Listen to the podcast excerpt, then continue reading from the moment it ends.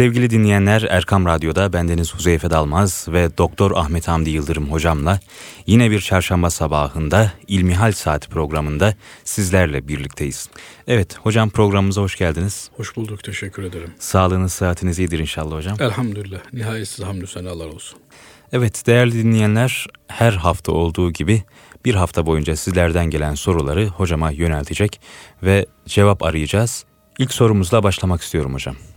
Oruçlu adamın orucu olmayan birisine su vermesinin hükmü nedir? Elhamdülillahi Rabbil alemin ve salatu ve selamu ala Resulina Muhammedin ve ala alihi ve sahbihi ecmain. Evet Ramazan'ın son günleri. Artık seneye ya nasip yarın öbür gün işte Arefe ve bayram gelmiş oldum. Evet. Ama her zaman oruç ibadeti senenin 4-5 günü hariç biliyorsunuz bayramda oruç tutmak haram. Ramazan bayramında bir gün veya iki gün, Kurban bayramında da işte teşrik tekbirleri devam ettiği sürece oruç tutmak yasak. Bu günler Cenab-ı Allah'ın Müslümanlara ziyafet günleri olarak tahsis ettiği günler. Bu günlerde yiyip içmek, coşmak, sevinmek, bir ümmet olarak, millet olarak bugünü mutluluk içerisinde geçirmek icap ediyor. Bunun dışında oruç ibadetinin önü açık. Her gün oruç tutabiliriz. Pazartesi, perşembe günleri oruç tutabiliriz. Dolayısıyla burada belki kardeşimizin sormak istediği şu olsa gerek. Huseyfe kardeşim, Ramazan ayında herkesin oruç tutması gereken bir zamanda oruç tutan bir Müslüman oruç tutmayan bir kimseye su verebilir mi? Yoksa Ramazan dışında sen oruçlusun ama karşındaki oruç tutmuyor. Oruç tutma mecburiyetinde değil. Nafile olduğu zaman oruç, oruç tutma mecburiyetinde değil. İsterse tutar, isterse tutmaz.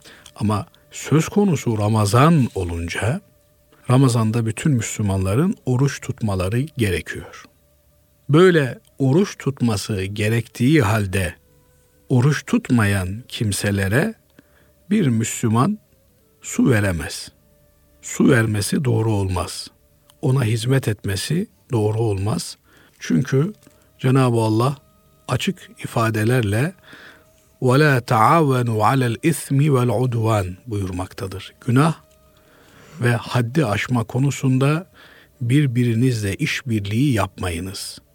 Birbirinize yardım etmeyiniz.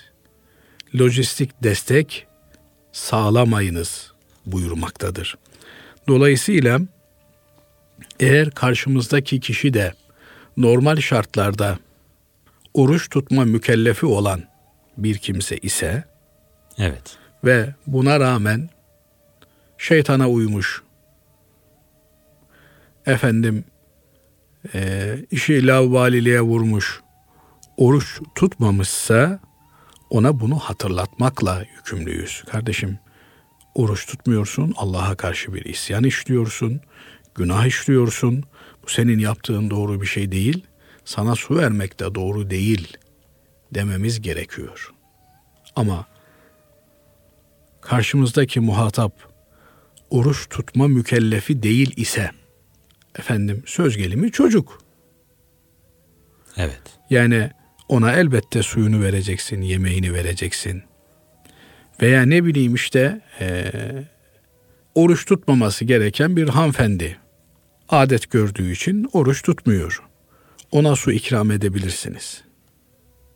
Her ne kadar bu durumların aleni olarak yaşanmaması gerekiyorsa da evde su ikram edebilirsiniz veya hasta bir insan oruç tutamıyor. Buna su ikram edebilirsiniz, yemek ikram edebilirsiniz. Veya gayrimüslim oruç tutma mükellefi değil. Buna da su ikram edebilirsiniz, yemek ikram edebilirsiniz. Ramazanın dışında siz oruçlu olduğunuz halde cümle alem oruçsuz. Onlara da yemek ikram edersiniz, çay ikram edersiniz.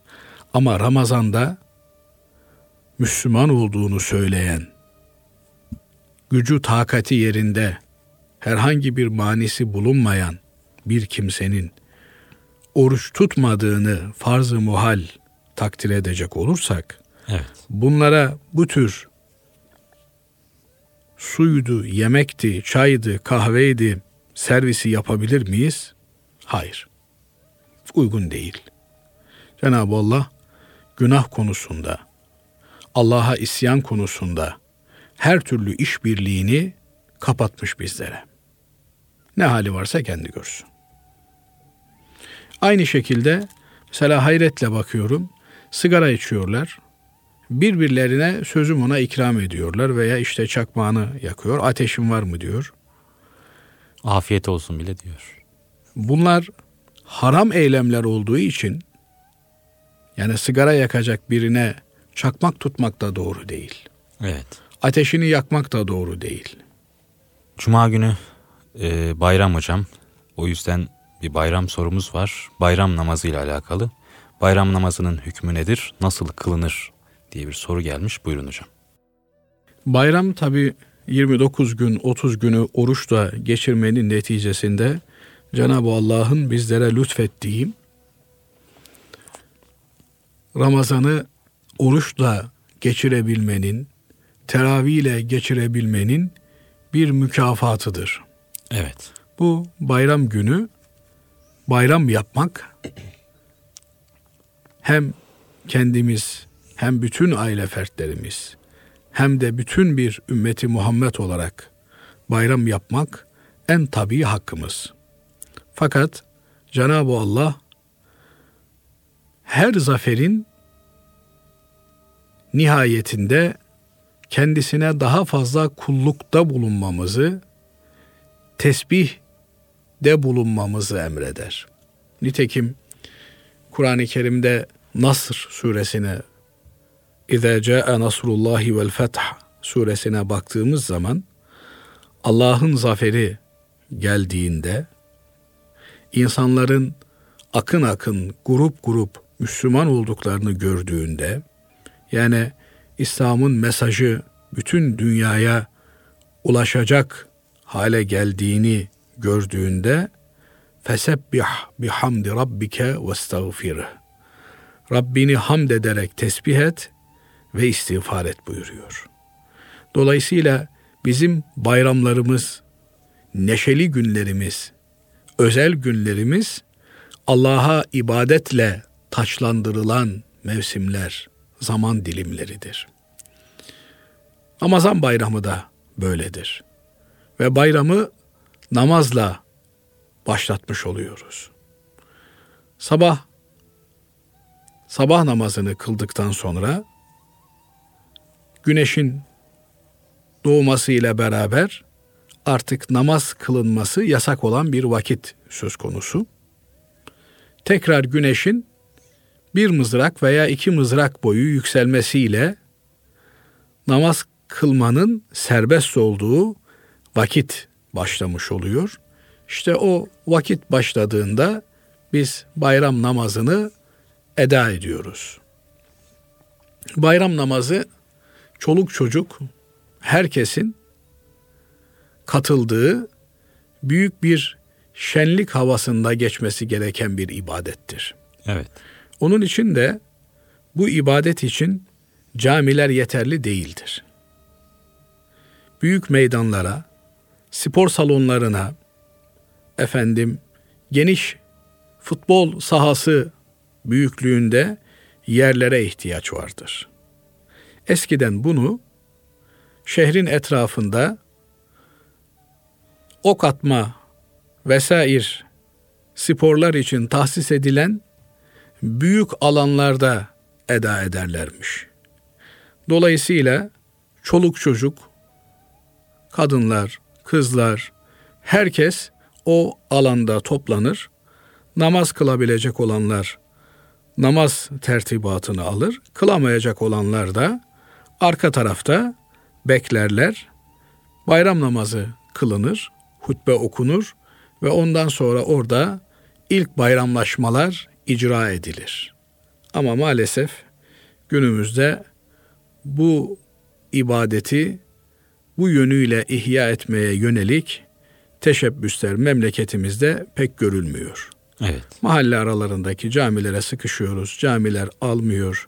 Kadınlar zaten camilere gitme imkanı bulamıyor.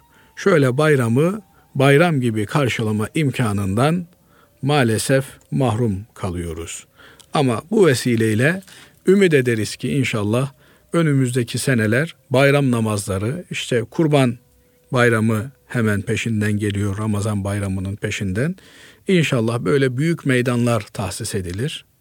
Efendim ne bileyim şimdi Yeni Kapı'da miting meydanı var değil mi? Evet. O miting meydanı bayram namazı için tahsis edilir. İşte Maltepe'de yine büyük bir meydan var. O meydan bayram namazı için tahsis edilir. İşte ne bileyim e, filan yerdeki e, futbol sahası bu ibadet için tahsis edilir. Böylelikle daha büyük kitleler halinde büyük coşkularla bu bayram namazını kılıp bayramı idrak etme imkanına kavuşmuş oluruz. Bayram namazı vacip olan bir namazdır. Vacip ne demek? Vacip farz gibi yapmakla mükellef olduğumuz bir ibadettir. Evet.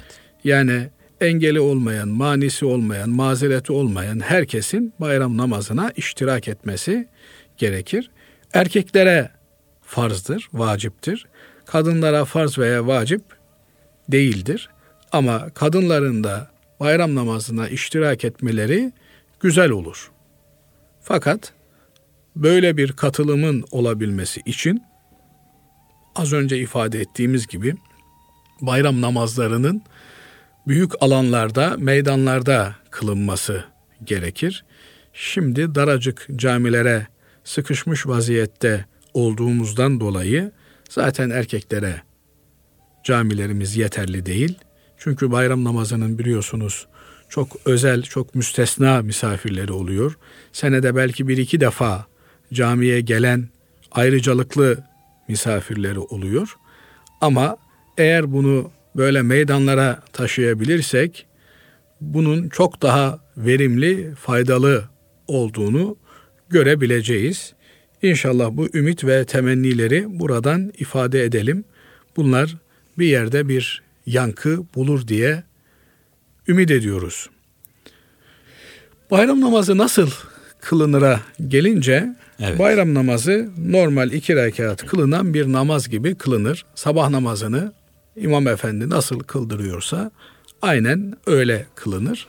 Sadece bayram namazının bayram namazına özgü altı tane tekbiri vardır. Bunlara zevait tekbirleri denilir. Üçü birinci rekatta, diğer üçü de ikinci rekatta getirilir. Hanefi mezhebinde altı tekbir ile bayram namazı eda edilmiş, yerine getirilmiş olur. İmam Efendi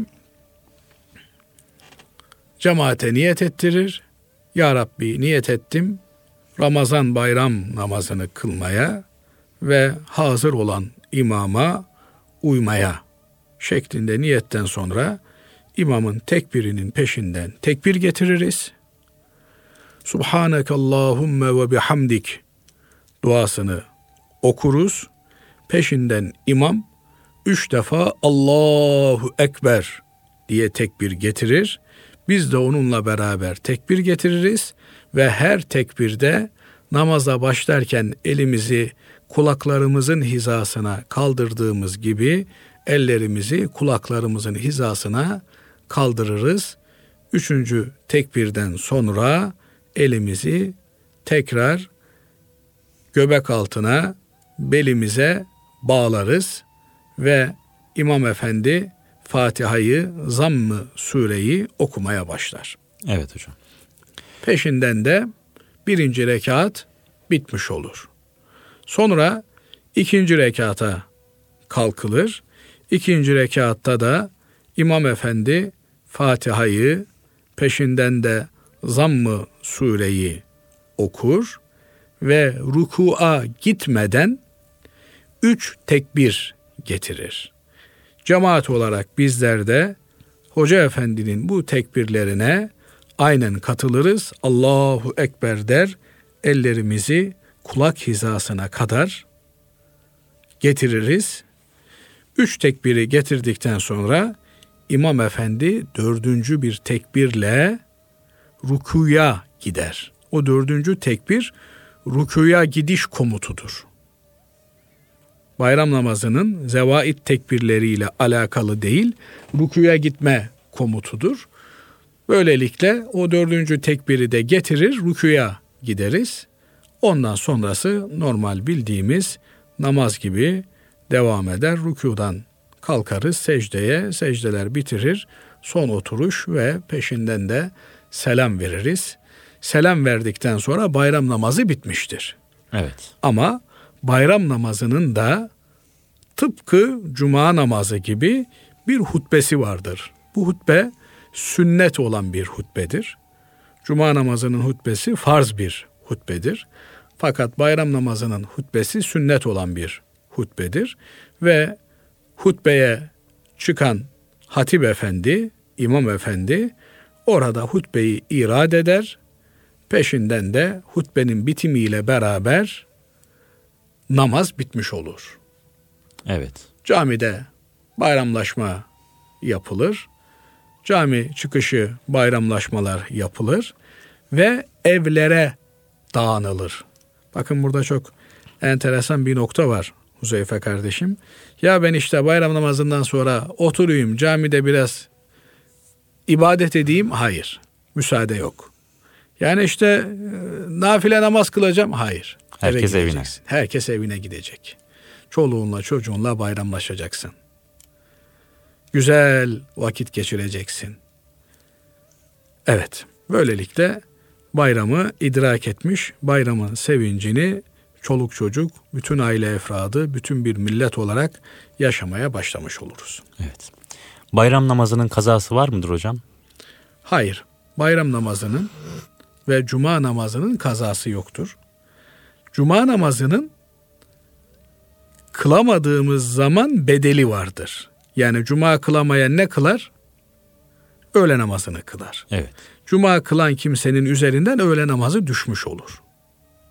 Fakat bayram namazlarını kılamayan bir kimsenin bayram namazı yerine ikame edilecek, alternatif teşkil edebilecek başka bir namazı yoktur.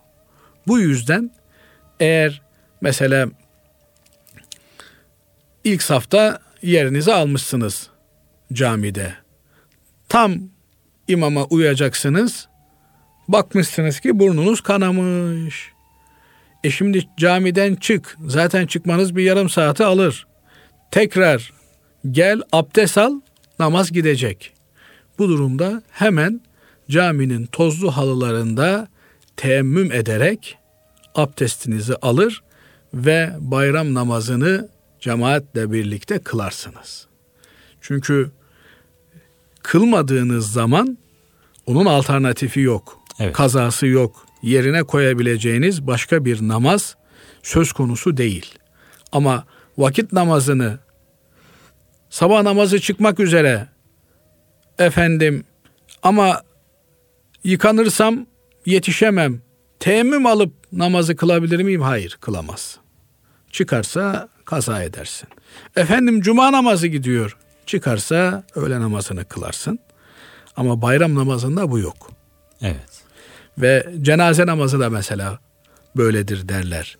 Eğer eee, siz cenazenin sahibi değilseniz sizi beklemeyeceklerse zaten dört tekbirle hemen iki dakikada kılınıyor. Yetişemeyecek durumda iseniz abdest aldığınızda teyemmüm eder öyle namaza katılırsınız. Evet hocam Arefe ve bayram gecesi cinsel ilişki haram mı diye bir sorumuz var. Evet. Ne Arefe gecesi ne de bayram gecesi herhangi bir şekilde karı koca arasında ilişkiye mani bir durum söz konusu değil. Ama bu geceler kıymetli geceler tabii. Bu geceleri e, imkan nispetinde ibadet dolu geçirmeye gayret etmek lazım. Bu gecelerde olabildiğince kişisel istirahatımızı azaltıp ibadete yoğunlaşmamız gerekir. Ama e, istirahat etmek nasıl çok tabii bir durum ise aynı şekilde karı koca münasebetleri de gayet tabii bir durumdur. Evet. Hiçbir sakıncası söz konusu yoktur.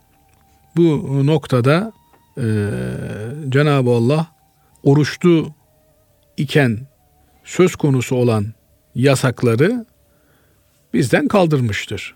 Oruç tutmadığımız zaman imkan varsa adabına uygun karı koca her türlü münasebette bulunabilir. Evet. Bayram günü oruç tutulabilir mi diye bir sorumuz var hocam. Bunu ilk soruda cevaplamıştınız ama yine bir hatırlatma var evet, bunda. E, bayram günü oruç tutmak yasak. Mezheplerimiz arasında ihtilaflar var. Bayram e, Ramazan bayramında bir gün bayram günüdür. Bazı mezheplerde iki gün olarak geçmektedir. Dolayısıyla Ramazan'ın hele 2, 2, 1, 2, 3. gününü e, tutmak yerinde değil, tutmamak gerekiyor. Hele birinci günü kesinlikle e, yasak, haramdır oruç tutmak. Ama bayram günleri geçtikten sonra biliyorsunuz hemen Ramazan'ın peşinden Şevval orucu geliyor. Şevval'in altı gününü oruçlu geçirmek tavsiye ediliyor. O altı günü hemen bayram günlerinin ardından peş peşe tutmanın da iyi olacağı, güzel olacağı ifade ediliyor. Bazı alimlerimiz bunun parça parça da tutulabileceğini, yerine getirilebileceğini söylüyorlar. Peş peşe veya parça parça bu oruçları e, tutabiliriz. Ama bayram günü yeme mecburiyetimiz var. Nasıl Ramazan günü ağzımızı tutma mecburiyetimiz varsa bayram günü de ağzımızı açma mecburiyetimiz var. Bir bardak su içeceksin istersen ondan sonra içme. Ama sen oruçlu değilsin. Yani yemek yemeye hazırsın. Tabi yemeği de aşırıya gitmemek lazım. Ramazandan çıkar çıkmaz dinlenmiş olan midelere yüklenmek doğru bir şey değil. Ramazan havasını el verir ki bir ömür boyu yaşayalım. O Ramazan'ın asude iklimini hayatımızın her anına taşıyabilelim. Fakat ben illa da oruç tutacağım derse bir kimse yasak bir işi, haram bir işi yapmış olur bayram günü. Ramazan bayramı böyleyken kurban bayramında bu kurban teşrik günlerine tamamen teşmil ediliyor. Dolayısıyla o günlerde oruç tutmak yasak. Onların haricinde oruca mani bir gün söz konusu değil. Evet. Bayramın önemi nedir? Bayram günü neler yapılır diye genel bir soru var hocam. Bayram tabi Müslümanlara Cenab-ı Allah iki bayram lütfetmiş. Senenin iki mevsimi Müslümanlar için bayram. Bunların birinde bir aylık yoğun bir oruç ibadetinin ardından bayram yapıyoruz. O orucu tutabilmenin, geceleri teravih kılabilmenin bir mükafatı olarak diğer bayramımız da Kurban Bayramı. O günü de Cenab-ı Allah'a en sevdiğimiz, en besili hayvanlarımızı kurban olarak adıyoruz. Ramazan bayramında Ramazan coşkusunu bayramla taçlandırdığımız gibi Kurban Bayramı'nda da Allah'a kurban adayabilmenin, Allah'a yakınlaşabilmenin sevincini, mükafatını bayramla yaşıyoruz. Bayramlar toplumsal birlikteliklerin, dinamiklerin güçlendiği mevsimlerdir. İslam bireysellikten ziyade toplumsal hareketi öngören bir dindir. Tek başına hemen hemen hiçbir şeyimiz yoktur. Camimiz, cemaatimiz, cumamız hep toplumsallıkla alakalı şeylerdir. Cami dediğiniz toplayan, cuma dediğiniz toplantı, cemaat dediğiniz birliktelik anlamına gelen kelimelerdir. Bayramlar da bu şekilde toplu sevinç yaşadığımız zaman dilimleridir. Bu yönüyle Hz. Peygamber sallallahu aleyhi ve sellem Efendimiz bir hadis-i şeriflerinde buyuruyor ki Müslümanlar arasında müfrah kimse bulunmaz. Müfrah nedir? Sevinci elinden alınmış kimse olmaz. Evet. Yani eğer siz bayram yaparken yanı başınızdaki evde küçük çocuklar ağlıyorlarsa o zaman o bayram bayram değildir. Eğer yanı başınızdaki mahallede fakirlikten, yoksulluktan kıvranan insanlar varsa o bayram bayram değildir. O bayramı hak etmiş değilsinizdir. Dolayısıyla bayramı hak edebilmenin yolu bütün bir toplum olarak bayram neşesini tadabilmekten geçmektedir. Bunun için Ramazan orucunu tutabilmenin bir bedeli olarak sadakayı fıtır veriyoruz. Yani fitre zekatı veriyoruz. Bunu bütün Müslümanlar belli bir zenginlik seviyesine gelmiş olanlar çoluk çocuk herkes adına verirler. Kime verirler? O bayram sevincini yaşamaktan mahrum olanlara verirler ki onlar da o sevince ortak olabilsinler.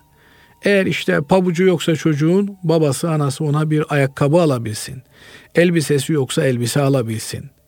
Yani herkesin sevindiği, herkesin bayram yaptığı bir atmosferde eğer birileri bayram yapamıyorsa o zaman orada Müslüman toplumunun çok ciddi sıkıntısı var demektir.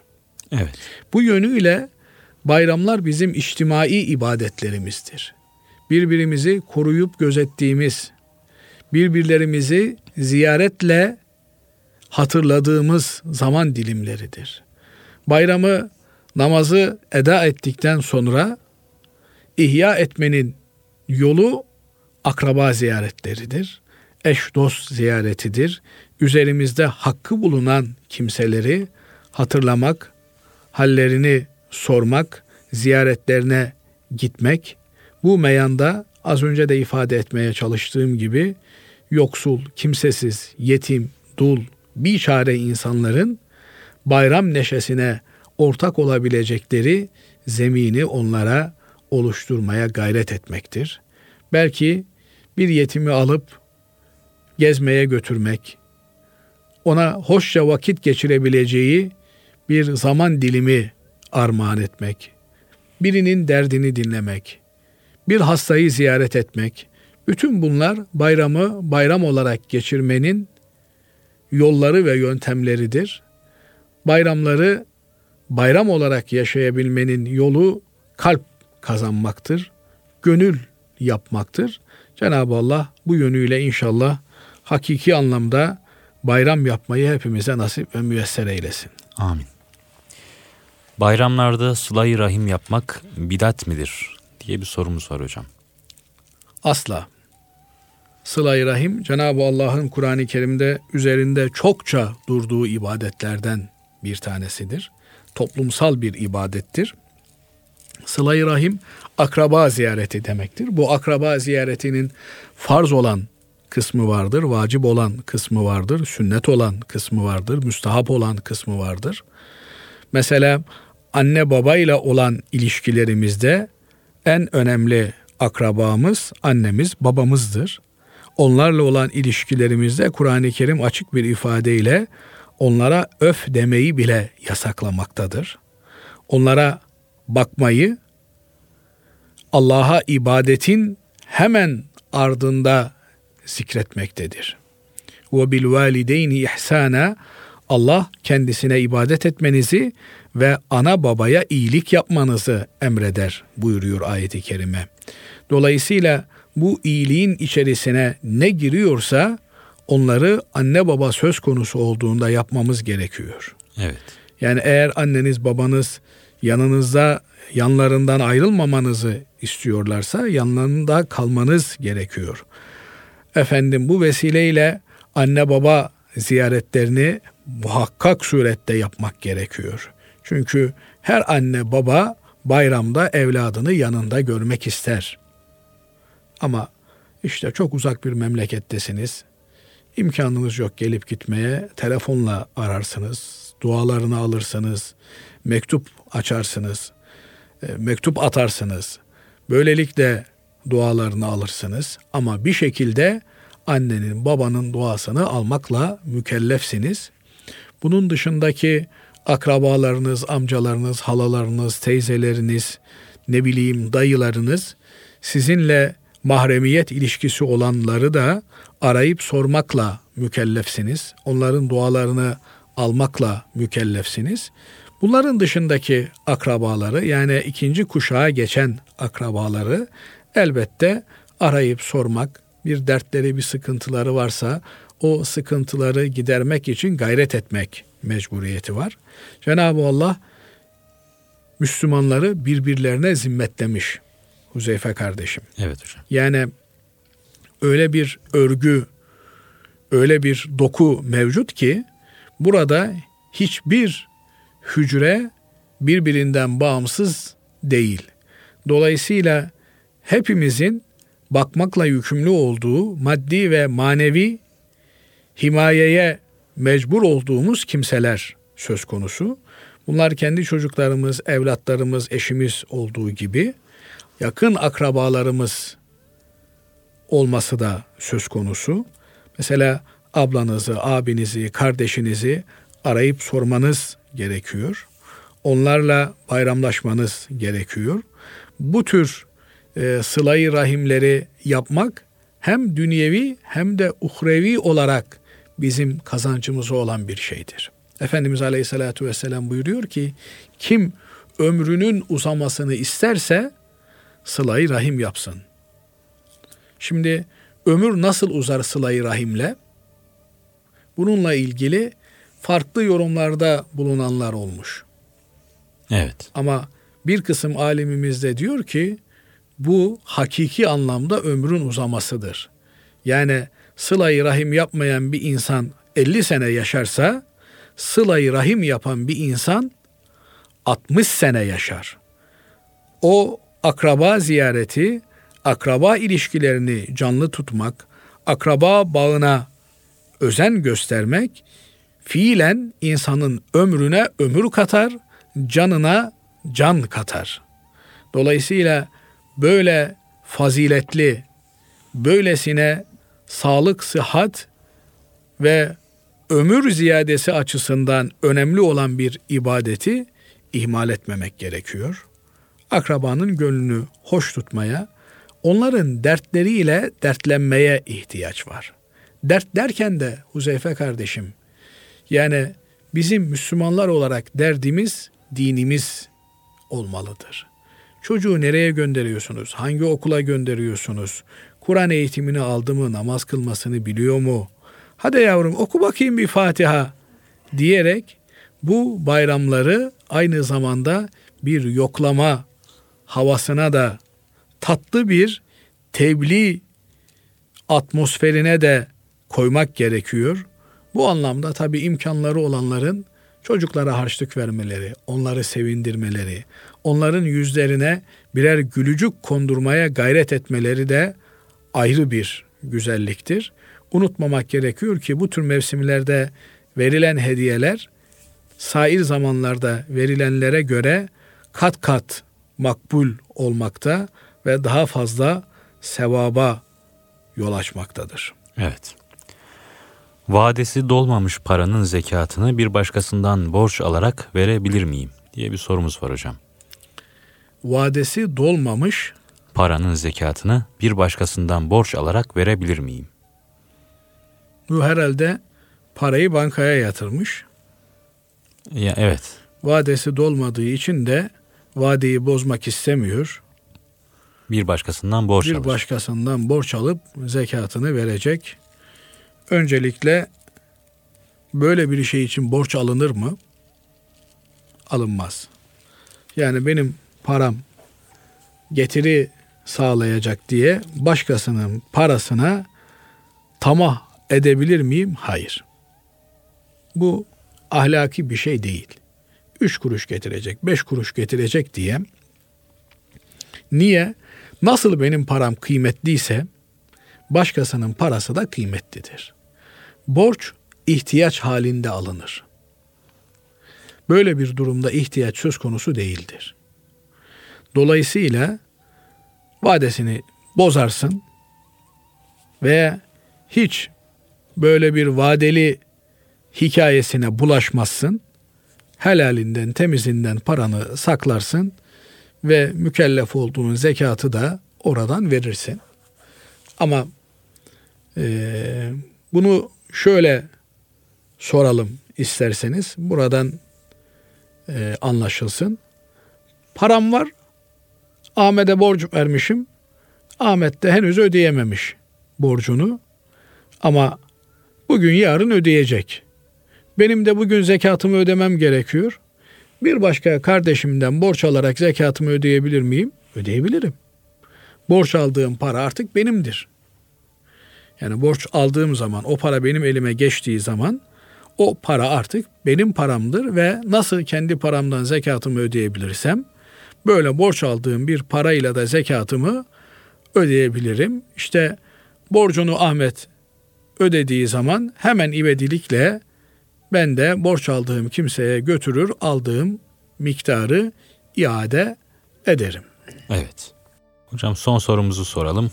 Yine bayramla alakalı. Bayram küskünlükleri gidermek içindir değil mi aslında hocam? Evet. Neşeyi, bu, bu bizim için bir fırsat mıdır? Içindir. Bu bizim evet. için bir fırsat mıdır? Evet. Bayram ki Cenab-ı Allah büyük bayram olarak iki bayramı bizlere lütfetmiş. Ama bunun yanında birçok bu tür küskünlükleri onarmaya vesile olan mevsimlerimiz, günlerimiz var. Ramazan ayı başlı başına böyle bir vesiledir. Hac ibadeti böyle bir vesiledir. Kandiller böyle bir vesiledir. Cuma günü böyle birer vesiledir. Bir Müslümanın bir Müslümandan üç günden fazla ayrı kalması helal olmaz buyuruyor Hazreti Peygamber Efendimiz. Yani yan yana geldiğinizde birbirinize bakmamanız, selam vermemeniz, efendim yan yana oturmamaya özen göstermesi, bu asla bir Müslümana yakışacak bir tavır değil. Sen selam vereceksin. Sen ziyaret edeceksin. Karşı taraf icabet ederse ne ala, can ciğer, kuzu sarması olursun. Ama eğer icabet etmezse en azından sen sorumluluğu üzerinden atmış olursun. Evet.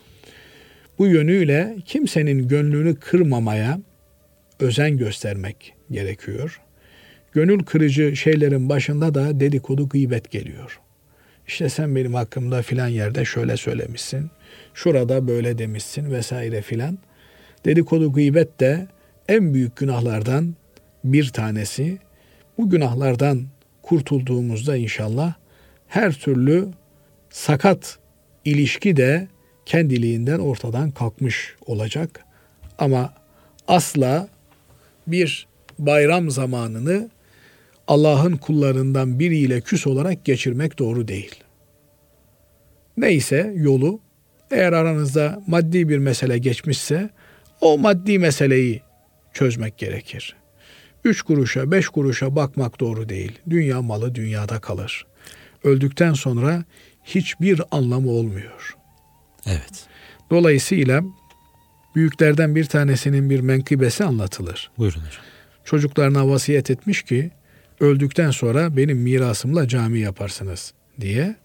Bunu gören arif zatlardan biri de demiş ki efendim demiş siz demiş karanlık bir yolda yürürken feneri önünüzde mi tutarsınız, arkanızda mı tutarsınız?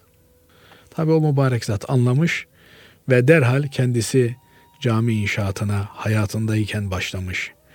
Dolayısıyla hayatımızdayken fırsat elimizde varken. Fırsat var iken bu tür dargınlıkları gidermenin yoluna bakmalıyız. Neyse 3-5 gönül almak marifet. Bu uğurda harcanılan hiçbir meblağın lafı edilmez. Binaenaleyh herkesi hoşnut etmeye, herkesin hayır duasını almaya bakmak lazım. Kimseye arkamızdan beddua ettirmemek, kötü söz söylettirmemek lazım. Tabi bu insanlar arkamdan iyi konuşsunlar diye değil. Allah katına tertemiz çıkabilmek için, gidebilmek için yapmamız gereken şeyler kırgınlıkları telafi etmenin yoluna bakmalıyız. Vesilelerini aramalıyız. Bu münasebetle müsaadeniz olursa ben de pek muhterem dinleyenlerimizin mübarek Ramazan bayramını bu vesileyle tebrik etmek isterim. Evet hocam. Bu güzel günlerin Ramazan'ın son günlerinin manevi atmosferinde biz kardeşlerini de dua ile yad etmelerini, bütün ümmeti Muhammed'e dua etmelerini hassaten istirham ederim. Cenab-ı Allah nice Ramazanlara, nice bayramlara Allah'a samimi bir kul olarak erişmeyi hepimize nasip ve müyesser eylesin. Amin hocam. Allah razı olsun. Sizlerden de.